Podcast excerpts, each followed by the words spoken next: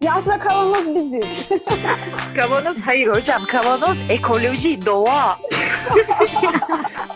Keşke bu muhabbetleri kayıda yapsak. Kayıt şu an canım benim. Ne sandın?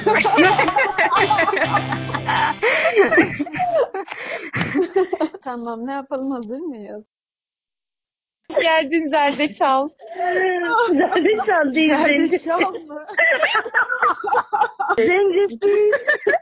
Ben sana Zer- Zerdeçal demek istiyorum. Evet, Zerdeçal dinliyor seni. Canım benim iyi bir ikili olduk diyecektim. Arkadaşlar çok komik.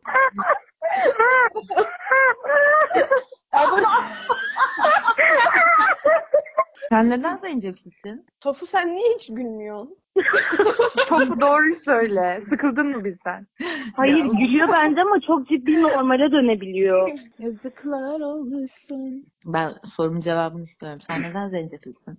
Ben neden zencefil? Şimdi bundan birkaç yıl öncesine gidiyoruz hep birlikte. Niteliksiz eğitim sistemimizin bizleri bir parkurdaymışçasına ve yarışırmışçasına koşmaya iterken basenlerimin önlenemez yükselişine bakıyoruz. Ve tam da o sırada toplumun güzellik algıları bana ve basenlerime dur diyor. Dolayısıyla herkesle birlikte harıl harıl üniversite sınavına hazırlanırken diyet yapmaya başlıyorum. Tam da o sırada her sabah uyanır uyanmaz daha gözlerimi açmadan sıcak zencefilli su içmeye başlıyorum. Lanet olsun Ve- o güzellik kalıplarına be. Tabii ki bu birkaç ay devam ederken ben baya bir acı çekiyorum. Çünkü hiç sevmediğim bir tat. Çünkü zorla içiyorum. Ondan sonra ben de dedim ki hayatımda böyle bir kötü anısı olan zencefilli neden kadın dayanışması ve muhteşem sohbetlerle birleştirip güzelleştirmeyeyim. O yüzden zencefil oldum. Bu arada zencefilliğin kötülüğü Beyoğlu zencefilli gazoz haricinde bunu da belirtmiş olayım burada. Sponsorluk aldım. Kötü anıyı birlikte güzelleştireceğiz. evet. Senin basenlerinden öperim. Ben de. Ya Ben de ben de ben de. Bu arada zencefilli gazoz kalp. Benim en sevdiğim yanı ne biliyor musunuz? Yaz aylarında gidiyorsun böyle şeye, kafeye. İşte uzunca oturacaksın arkadaşlarınla. Bir kadın eylemi çıkışı. Şimdi o uzunca vakitte üç tane çay içeceğine bir tane gazoz alıyorsun. Zencefilli gazoz. Dudağını ıslata ıslata geçiriyorsun o vakit. Ben dudak ıslatma ayrıntısını çok beğendim. Kayıt dışı bir anımı paylaşayım mı sizinle? Ölür. paylaş. Biz karar veririz ona. Geçen hayatımda ilk defa sexting yaptım. Gerçekten mi? Aa, biraz büyümedin mi bunun için? Kavanoz'un 5. bölümünden herkese merhabalar. Ben Tofu, Zeytin burada, turşu burada, pekmez çok uzaklarda ve zencefil bizimle birlikte bugün. Feminizmle tanışma hikayelerimiz üzerine konuşacağımız bir bölüm olacak. Pekmez zeytinin yanında. Evet ya. Pe- Pekmez diyorsun, çok uzaklarda diyorsun üç adım ötemde. ya işte gizemi Gülesim niye bozuyorsunuz? Biraz gizem katmak istedim ya. tamam devam et canım benim. Örselendim yeterince. Bugün feminizmle tanışma hikayelerimizden bahsedeceğiz. Feminansi'nin Instagram ve Twitter hesabından bize yazan arkadaşlarımız oldu. Onların deneyimleri üzerinden de konuşacağımız bir program olacak. Buna ek olarak kendimizi feminist olarak tanımlarken ne gibi çekinceler yaşadık? Biraz bunları da tartışmaya çalışacağız. Zencefil, nasılsın? İyiyim. Sen nasılsın Tofucuğum? Ben de iyiyim, teşekkür ederim. Sen feminizmle nasıl tanıştın? Kadın hareketinin içinde aktif olan bazı kadınlarla sohbet ederken onların feminizmle çok erken yaşta tanıştığına tanık oldum. Aslında benim hikayem o kadar da tarihin tozlu sayfalarına dayanmıyor. Şu anki bilinç seviyeme göre oldukça geç tanıştığımı düşünüyorum. Çünkü yetiştiğimiz çevre gelişim süreçlerimizde oldukça etkiliyor. Ben kendi doğduğum ve büyüdüğüm çevrede tamamen bir dayanışma kültürünün olduğu aslında komün yaşamın fragmanı diyebileceğim bir yerde doğup büyüdüm ve o toplumsal cinsiyet rollerinin, görevlerinin kendisi olduğu gibi göze batan bir şekilde dayatılmıyordu. En azından o zamanki gözlemlerime göre. Bizim evde mesela tamir işlerini hep annem yapardı. Alet edebat çantası annemin elindeydi. Babam da böyle kapı pencere silerdi. Balkon yıkardı. Baktığım zaman aslında ben de futbol oynuyordum çok küçük yaştan beri. Hani ben bunun içinde doğdum ve liseye kadar da çok rahat bir şekilde oynadım. Öyle büyüyünce aslında feminizme tanışmam böyle çok göze batan bir şekilde olmadı o yaşlarda. Sonra liseye geçtim. İşte çevremdekiler artık büyüdün, futbolu bırak, futbol bir kadın sporu değil, futbol hiç estetik durmuyor. bayağı beni bir darladılar. Oysa ki çok estetik. Bence de çok estetik. Özellikle formanın içinde çok tatlı görünüyordum. İşte o zaman benim kafama böyle dank etmeye başladı bir şeyler. Hani neden bazı sporlar, bazı işler, bazı görevler sadece kadınlar ve erkekler yani zaten sadece kadın ve erkek cinsiyetleri üzerinden gitmesi de bana çok yanlış geliyordu. Çünkü kendini kadın ve erkek olarak tanımlamayan pek çok arkadaşım da vardı çevrede bulunduğum politik alan dolayısıyla. O zamanlar o zamanlar işte feminist külliyat gözüme çarpmaya başladı. Kendimi feminist olarak tanımlamaya başladım. Aslında benim de çekincelerim vardı. Herkesin çekinceleri olduğu gibi ilk başlarda. Çünkü iyi çekincelerim vardı ki benim hiç çekincem yoktu. Bir Şartlanmış. dakika ya burayı evet şu an bu cümleyi kurmaya şartlandım. Bence hiçbir çekincen olmasa da muhakkak bir çekincen olmuştur. Fark edemediğimiz bir şeyler olmuştur. Evet. Olmuştur tabii. Bir de yine lise 1'de bilince çıkardığım bir olay daha beni çok etkilemişti. Hala unutamıyorum. Dördüncü sınıftaydım yanlış hatırlamıyorsam. Regle olmaya başlamıştım. Çok küçük bir yaş aslında. Ve sürekli erkeklerle futbol oynuyordum. Futbol hocam beni kenara çekip dedi ki sen artık büyümeye başladın. Dolayısıyla artık erkeklerle e, takılmama, takılma demedi. O zaman takılma kültürü yoktu. Erkeklerle oyun oynamaman, bir şeyler yapmaman lazım. Hareketlere dikkat etmen lazım. Artık sen başka bir evreye geçiyorsun dedi. Ve şu an Bir yerinizden kan gelince uzaylı oluyor. aynı.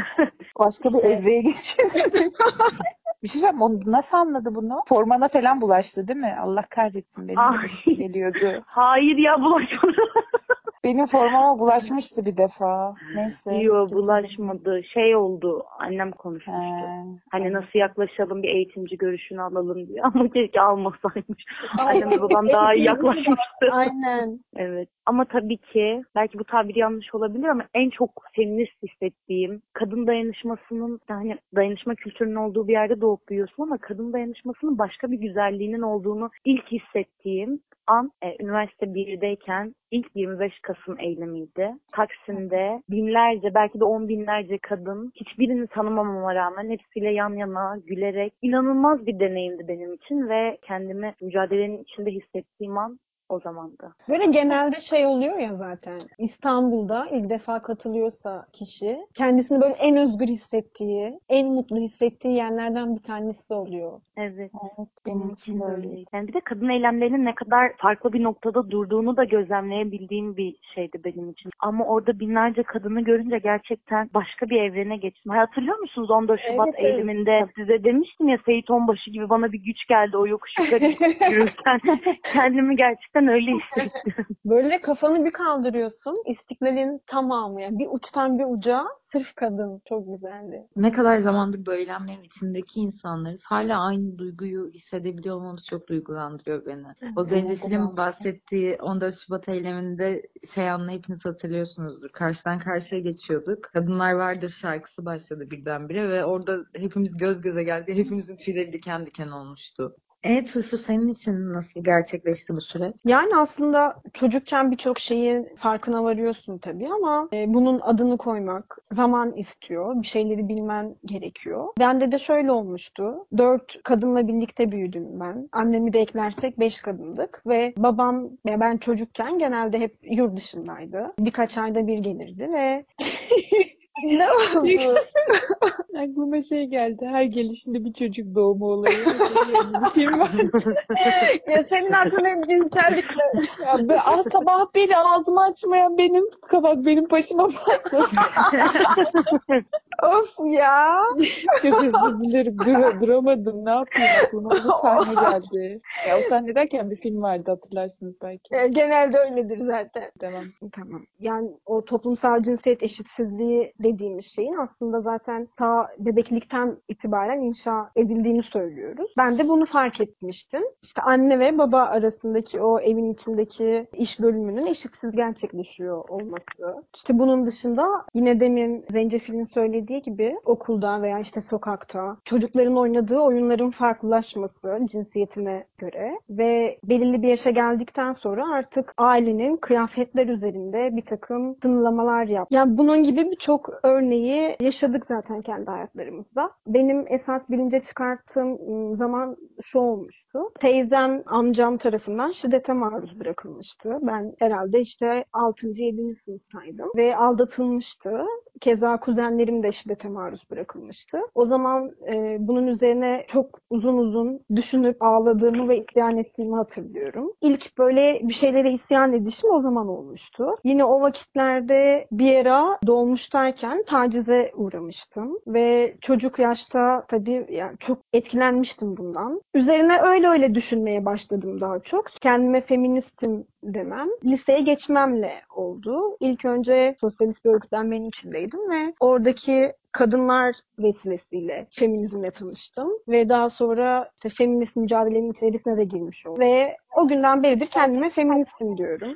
Öyle. Sen de istofu. Benim de aslında feminizmin teorik boyutuyla tanışmam biraz turşuyla benzer bir yerden oldu. Ben de yaşadığım bir cinsel şiddet sonrasında belli okumalar yapmaya başladım. Öncesinde yaşadığım çevre, arkadaş çevresi, aile, evdeki koşullar vesaire çok fazla göstermiyordu bana bu toplumsal cinsiyet rollerinin doğurduğu eşitsizlikleri. Yani görece daha eşit, daha az ayrımcı bir yerden yetiştirildim aslında. Yani evde ne yaparsam yapayım umursamıyordu. Tek çocuk olduğum için kendimi bir erkek kardeşle kıyaslamam gibi bir durum da yoktu. Ama belli bir yaşa geldikten sonra daha küçük yaşlarda yaşadığım bir cinsel şiddeti hatırladım. Ve bunu hatırladıktan sonra şu çok büyük bir soru işaretiydi benim için. Yani acaba ben bunu hayal mi ediyorum yoksa gerçekten böyle bir şey yaşandı mı? Böyle bir şey yaşadığında bir çocuğun uzunca bir süre bunu unutması, daha sonra hatırlaması böyle şeyler mümkün mü vesaire. Böyle sorular vardı kafamda. Bunlara cevap ararken yaptığım araştırmalarda feminizmle karşılaştım aslında.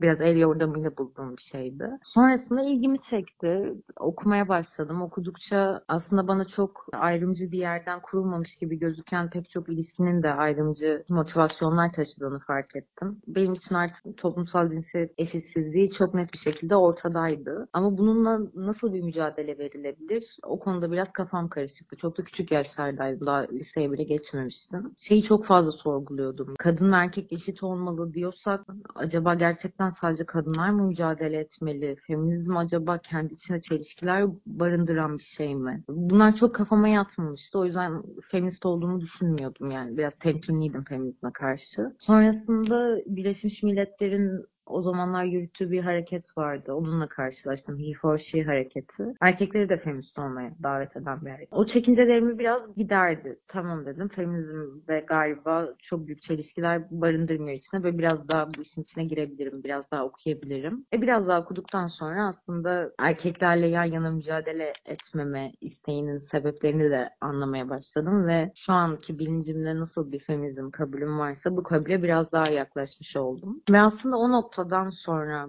biraz daha belli bir süre okuduğum ve anladığımı düşündüğüm feminizmi daha doğru bir yerden anlamaya başladım. Mücadelenin öznesinin kadın olduğunu, neden kadın olduğunu kavradığım bir süreç yaşadım. Ve bu süreç beni biraz daha kadınlarla iletişimimi arttırmaya da.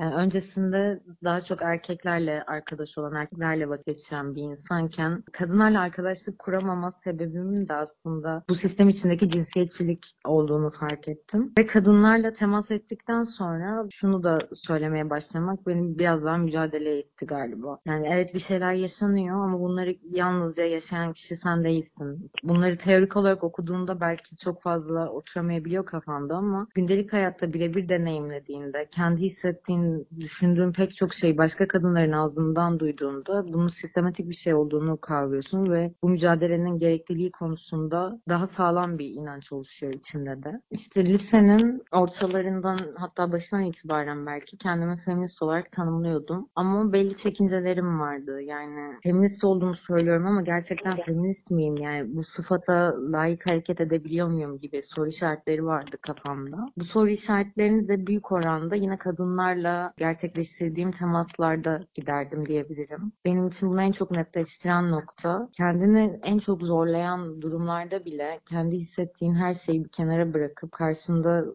dayanışmaya ihtiyaç duyan bir kadın varsa onun bu ihtiyacını öncelediğini fark etmek olmuştu. Yani bunu yapabildiğim anlarda gerçekten feminizmle bağlarımın en kuvvetli olduğunu hissettiğim anlardı. Aslında benim açımdan da feminizmle tanışma hikayesi diye anlatacağım birçok şeyi anlatmış bulundunuz bir yerde. Birçoğumuzun hikayesi benzer sanıyorum ki. Geçtiğimiz günlerde de 40 Yama Kadın Dayanışması'ndan bir arkadaş bahsetmişti. Kendisi küçükken erkek kardeşi doğuyor ve doğduktan sonra kendisinin yerini erkek kardeşinin babasının gözünde alması sonucunda yani neden sorusuyla beraber feminist bilincinin ta o, o yaşlarda belki de filizlendiğinden bahsediyordu. O böyle söylerken benim de aklıma şey geldi. Yani biz dört kardeşiz. İşte son kardeşim doğarken aslında o doğmadan evvel doktorun dillendirdiği bir cinsiyet vardı. Babam buna rağmen annem doğum haneye girene kadar ya belki de yanlış söylüyordur falan filan oğlum olabilir falan filan umudu taşıyordu. Doğduktan sonra kız kardeşim babam inanılmaz bir hayal kırıklığına uğradı. Bir insanın çocuğu doğduğunda çok mutlu olur diye düşünüyorum yani. Ama babam için hayal kırıklığıydı çünkü dördüncü çocuğu da kız olmuştu. yani e, dört çocuğu olması da buradan şey geliyor bu arada yani sürekli bir erkek çocuk arayışı bilirsiniz bunun kendisini tanıdık bir hikaye yani. Neyse bu benim inanılmaz ağrıma giden bir şey olmuş. Bu Kırkema'da kadın arkadaşın erkek kardeşi babasının gözünde kendi yerini almıştı. Benim hikayemde ise benim olmayan erkek kardeşime bir özlem vardı babamın gözünde. İnanılmaz incitiyordu bu durumun kendisi beni. Buralarda işte bir zoruma giden durumun kendisinden erkek yüceltilen sistemin varlığı zaten çocukluğumdan beri böyle içime dokunan ve beni sinir eden bir hal alıyordu. Tabii bunu o zaman patriarkal dünya diye tarif etmiyorsun ama seni rahatsız eden bir durum var. Her olayda, her şeyde gözüne o eşitsizliğin sokuluşu. İşte lisedeyken de işte bir kadın hakları mücadelesi gibi şeyleri dillendiriyordum ve üniversitede hukuk okuyacaktım. Kadınların haklarını savunacaktım. Eşitsiz bir dünya var ve buna karşı bir mücadele yürütmem gerekiyor gibi böyle bir düzlemde gidiyordum lisedeyken ama kendimi feminist olarak tanımlamıyordum. Hatta belki de birçoğumuzda da var vardır. Bende de o zamanlar ön yargılar vardı feminist kelimesine karşı. Daha hoşlanmadığım kelimeler arasındaydı feminizm. Liseden sonra yani üniversiteye geldikten sonra Feminanfi tanıştım. Feminanfi'li arkadaşlardan biraz öğrenmiş bulundum. Feminizmin aslında benim o kötü kelimeler arasında sokuşumun ne kadar da o toplumsal algılardan kaynaklı olduğunu anlatmışlardı. Benim de aklıma çok yatmıştı. O saatten sonra zaten gerek onlar anlattılar, gerek ben okudum. Ya evet bu yani yani aslında benim lisede kadın hakları diye nitelendirdiğim ve o işte küçüklükten beri kazmaya çalıştığım mevzunun kendisini feminizm barındırıyormuş dediğim bir şeydi. Ve şöyle de bir şey olmuştu. O eylemlerden bahsetmiştiniz. Gerçekten benim için de çok kritik bir yerde duruyor. Üniversiteye geçtikten sonra ilk eylemim mesela şeydi. 8 Mart'tı. Benim için çok kıymetliydi. Küçükken çok sessiz, içine kapanık, kabuğuyla yaşayan bir çocuktum. Lise hayatımda da öyleydi. Sonra 8 Mart'ta inanılmaz kalabalık bir 8 Mart'tı bu arada. Sanıyorum ki şeydi 10 Ekim katliamından sonra Desel Sokağa çıkışın ilk eylemiydi bu 8 Mart eylemi. Büyüleyici bir manzara ve çok cıvıl cıvıl herkes. İnanılmaz güzel geliyordu bana. Etrafımda bütün kadınlar dans ediyor. Ee, ben o kabuğumdaki zeytin olarak hafiften kıpırdanmıştım. Böyle dans ediyordum. Omuzlarımı falan sallıyordum. O an benim için feminizmimi gerçekleştiriyordum. Yani feminizmle başka bir boyuttan tanışmış oluyordum. Orada feminizmin anlamı benim için belki de o kabuktan çıkıp dans etme oluyordu. İşte başka bir yerde hep beraber şarkı söylüyorduk kadınlarla. Yüksek sesle şarkı söylemek oluyordu benim için feminizm. Kendi hayatım açısından özgürleşme pratiği olarak feminizmle tanışıyordum bu sürecin başında. O yüzden çok kıymetli diyebilirim benim için. Feminist olmasaydım yani feminizmle tanışmasaydım ve hayatıma bu pratikleri uyguluyor olmasaydım nasıl olurdu? Ve birazcık şey oldu. Böyle bir ufak bir dehşete kapıldım. Aman tanrım iyi ki şey olmuşum ya iyi ki feminist olmuşum falan diye. Çünkü eşittir özgürleşmek gibi gerçekleşti benim tanışma hikayem. Evet gerçekten feminizm kendi hayatlarımız açısından da o kadar önemli bir yerde duruyor ki benim de iyi ki feministim dediğim çok an oldu. Yani her gün söylüyorum hatta belki de bunu. Bazen yaşadığın şeyleri unutmak istemiyorsun ya çünkü o yaşadığın şeyleri hatırlıyor olmak senin mücadeleyle bağını güçlendiren bir yerde durabiliyor. Yani benim şunu söylediğim bile oldu. İyi ki o küçük yaşlarda o maruz bırakıldığım o cinsel şiddeti bir şekilde hatırlamışım da o sorgulamaların kendi kendisi, o düşüncelerin kendisi beni yolumu feminizmle kesiştirmiş. Evet, çok güzel bu arada arkadaşlar. Çok duygulanıyorum biliyor musunuz? Ben de. İyi ki yollarımız kesişmiş feminizmle. Ki Ve sizlerle. Evet. Beni buraya getiren herkese teşekkür ederim. Sağ olun. Ya gerçekten feminizmle tanışmasam tofu olmazdım muhtemelen. Yani gerçek anlamda olmazdım çünkü. Şu an burada feminizm- olmazdı.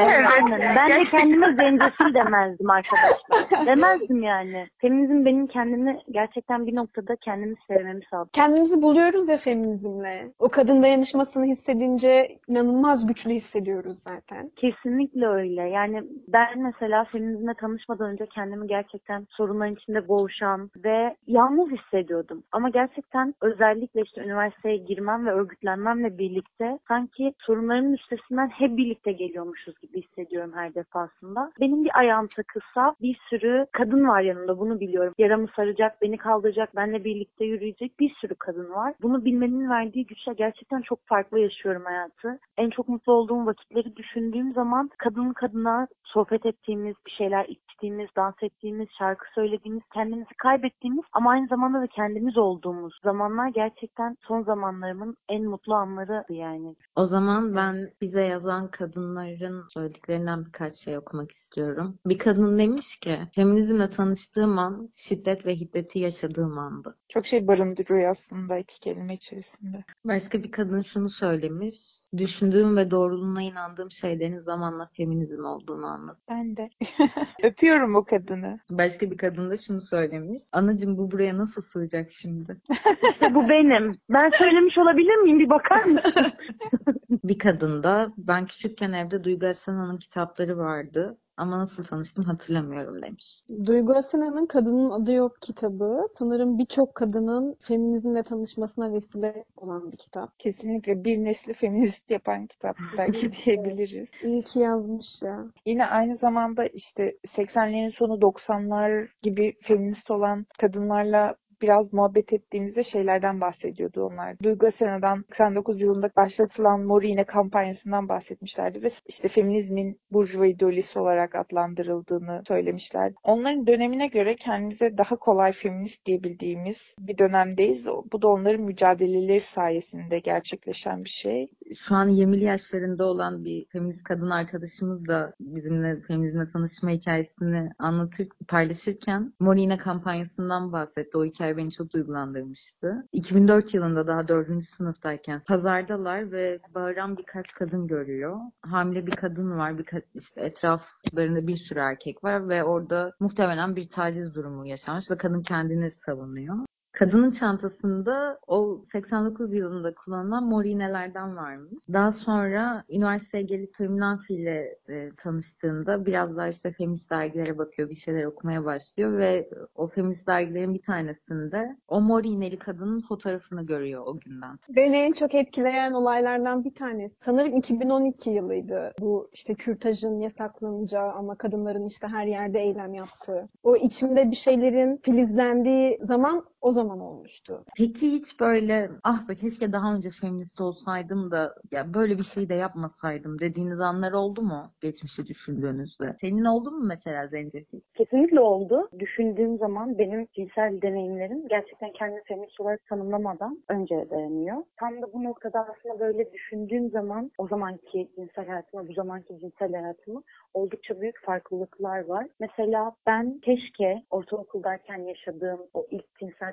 tecrübelerim noktasında feminist bilince sahip olsaydım ve kendimi o zorlamaların ortasında bulmasaydım çok kez dedim yani. Çünkü ben her ne kadar bunu o zaman o şekilde görmesem de aslında bütün bunların hepsi o zaman birer tacizmiş ve ben bunu fark edememişim dediğim çok zamanlar oldu. Birer şiddet biçimiymiş. Keşke özellikle tanışmadan önce feminizmle tanışsaydım ve cinsel hayatım bu şekilde şekillenseydi dediğim oldu. E, benim açımdan da sanırım annemle kurduğum kadın dayanışması noktasında keşke daha önce feminist olsaydım diyorum. Çünkü ben babamla daha iyi anlaşan biriydim. Hala annemden daha çok anlaşırım babamla ama o dönemler bu iyi anlaşmadan kaynaklı annem ve babam arasında geçen tartışmalarda haklı olsun ya da olmasın sürekli babamın tarafında oluyordum ve şu an baktığımda ortada bir ezilmişlik var. Yani annemin sadece kadın oluşundan kaynaklı yaşadığı ezilmişlik var. Benim bu kadar çok her tartışmada babamın tarafında olmam, annemi yalnızlaştırıyor oluşum. Her ne kadar hala babamı daha çok sevsem de Ee, yani şu anki bilincimle kendime çok kötü hissettiriyor. Benimki de aslında çok farklı değil ama aile içindeki ilişkilere müdahale etmeyi isterdim. Yani daha kısa sürede tanışmış olsaydım da daha farklı yaşanmış olsaydı keşke her şey diyorum. Ya da işte ortaokulda yaşamış olduğum o ikili ilişkilerde yine sonradan bilince çıkarttığım e, bir takım psikolojik şiddete maruz bırakılma durumları e, da olmayabilirdi yani feminizmle daha erken tanışmış olsaydım. Öyle. Peki Tofucum sen? Ah biri de bana paslıyor. Çok güzel bir duyguymuş. Benim de ortaokul yıllarını düşündüğümde böyle işte ilk defa flört etmeye başlıyorsun vesaire. Ama flört çok şey bir şeydi benim için. Yani işte görece rahat yetiştiğimden bahsetmiştim. Ne ne giydiğime ne saat kaçta eve geldiğimde karıştırılıyordu ev içinde. Ve toplum genelinde bunlar çok olan şeyler olduğu için benim hayatımda var olmayışı bana bir eksiklik gibi geliyordu. Ve kurduğum flörtlerde de karşı tarafın beni sahiplenmesini, beni kıskanmasını istiyordum. Bunu görmediğim zaman çok büyük bir eksiklik varmış gibi. Ya etrafta şey diye dolaşıyordum. Keşke bir erkek olsa da beni sahiplense, beni kıskansa, beni korusa. Oh Ay God. canım benim. Gerçekten. Ay. Yani Kimler? Ya 7. sınıf, 8. sınıf falan en fazla ama ya keşke o zamanlar bilseydim bunları. Kötü hissediyordum çünkü kendimi. Evet. Benim gülüm ya Allah için. Şimdi olsa döversin tabii. Sen kim Evet. diye. Neyse er ya da geç. Geç olsun güç olmasın arkadaşlar. Aynen. Sonuçta hem feminizmi hem birbirimizi bulmamız ve dayanışmayı en güzel şekilde örmemiz hem kendimizle hem diğer kadınlarla önemli olan bu sonuçta. Evet. Dırırım. Tamam o zaman şey yapalım. Turşu şarkı söyle hemen. Beni benden alırsan. O zaman bu haftaki önerilerimize başlayalım. Ben Fatma Gül Berktay'ın Tek Tanrılı Dinler Karşısında Kadın kitabını öneriyorum. O zamansa hareket alanımızın kısıtlandığı bu günlerde ben de bu ilk programımda canım kadınların sağlıkları için bir squat hareketi öneriyorum. Klasik squat hareketimizde bacaklarımızı omuz genişliğinde açıp sırtımızı düz tutuyoruz ve dizlerimizi hafifçe büküyoruz. Ardından bir sandalyeye oturur gibi yavaşça eğiliyoruz. Kalçamız baldır seviyesine geldiği zaman da yavaşça başlangıç konumumuza geri dönüyoruz. 15 tekrardan oluşan 3 set halinde yaparsak kendimizi çok iyi hissediyoruz. Ben çok iyi hissetmiyorum ya. Üç gün ayağa kalkamıyorum. E, o zaman ben de ruh sağlığımız için bir şey önereceğim. Bugün 90'lar pop dinleyip kendimi çok iyi hissettim. Bence 90'lar pop dinleyebiliriz evde kaldığımız bu günlerde. Bir tane söylesene. İlk aklıma gelen Aşkın Nur Yengi'nin Ay inanmıyorum şarkı. Ben de o zaman ne kadar sağlıklı olduğundan emin olmamakla beraber bugünlerde biraz ağzımız tatlansın diye bir tarif önereceğim. Daha doğrusu tarif değil de karışım mı denir? Ne denir bilmiyorum. Muzlu tahin pekmezli ekmek. Şöyle ki ekmeği muzlu tahin pekmezli yapmıyoruz. Hazır ekmeğin içerisine muzu koyuyoruz. Üzerine de tahin pekmez karışımını döküyoruz. Sonra İnanılmaz düz duvara tırmanıyoruz.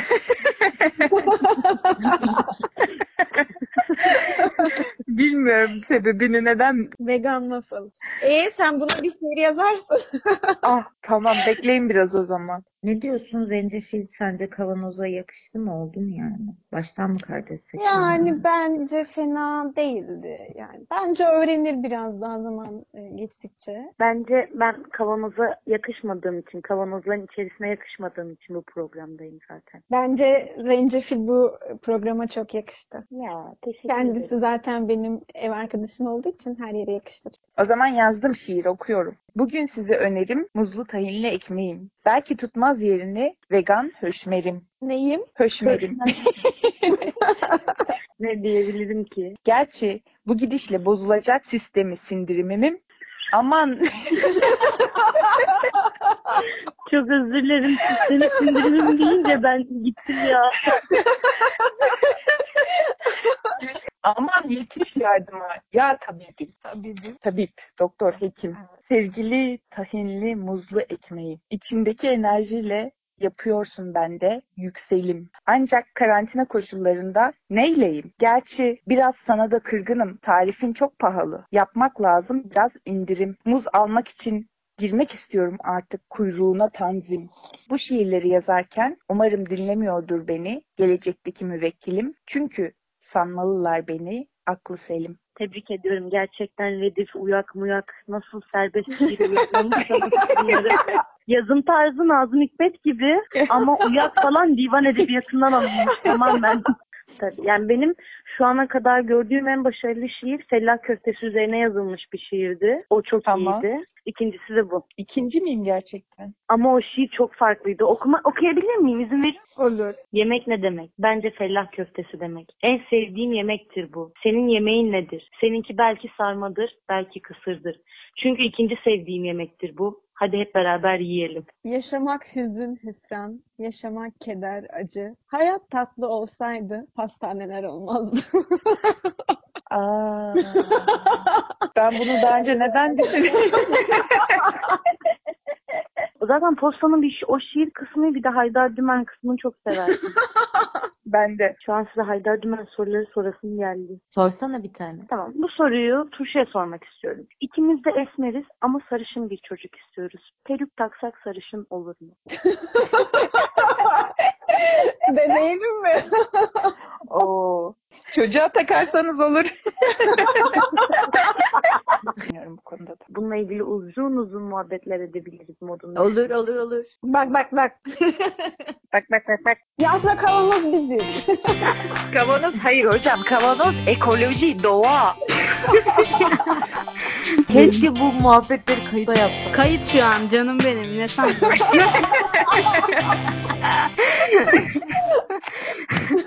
tamam ne yapalım hazır mıyız?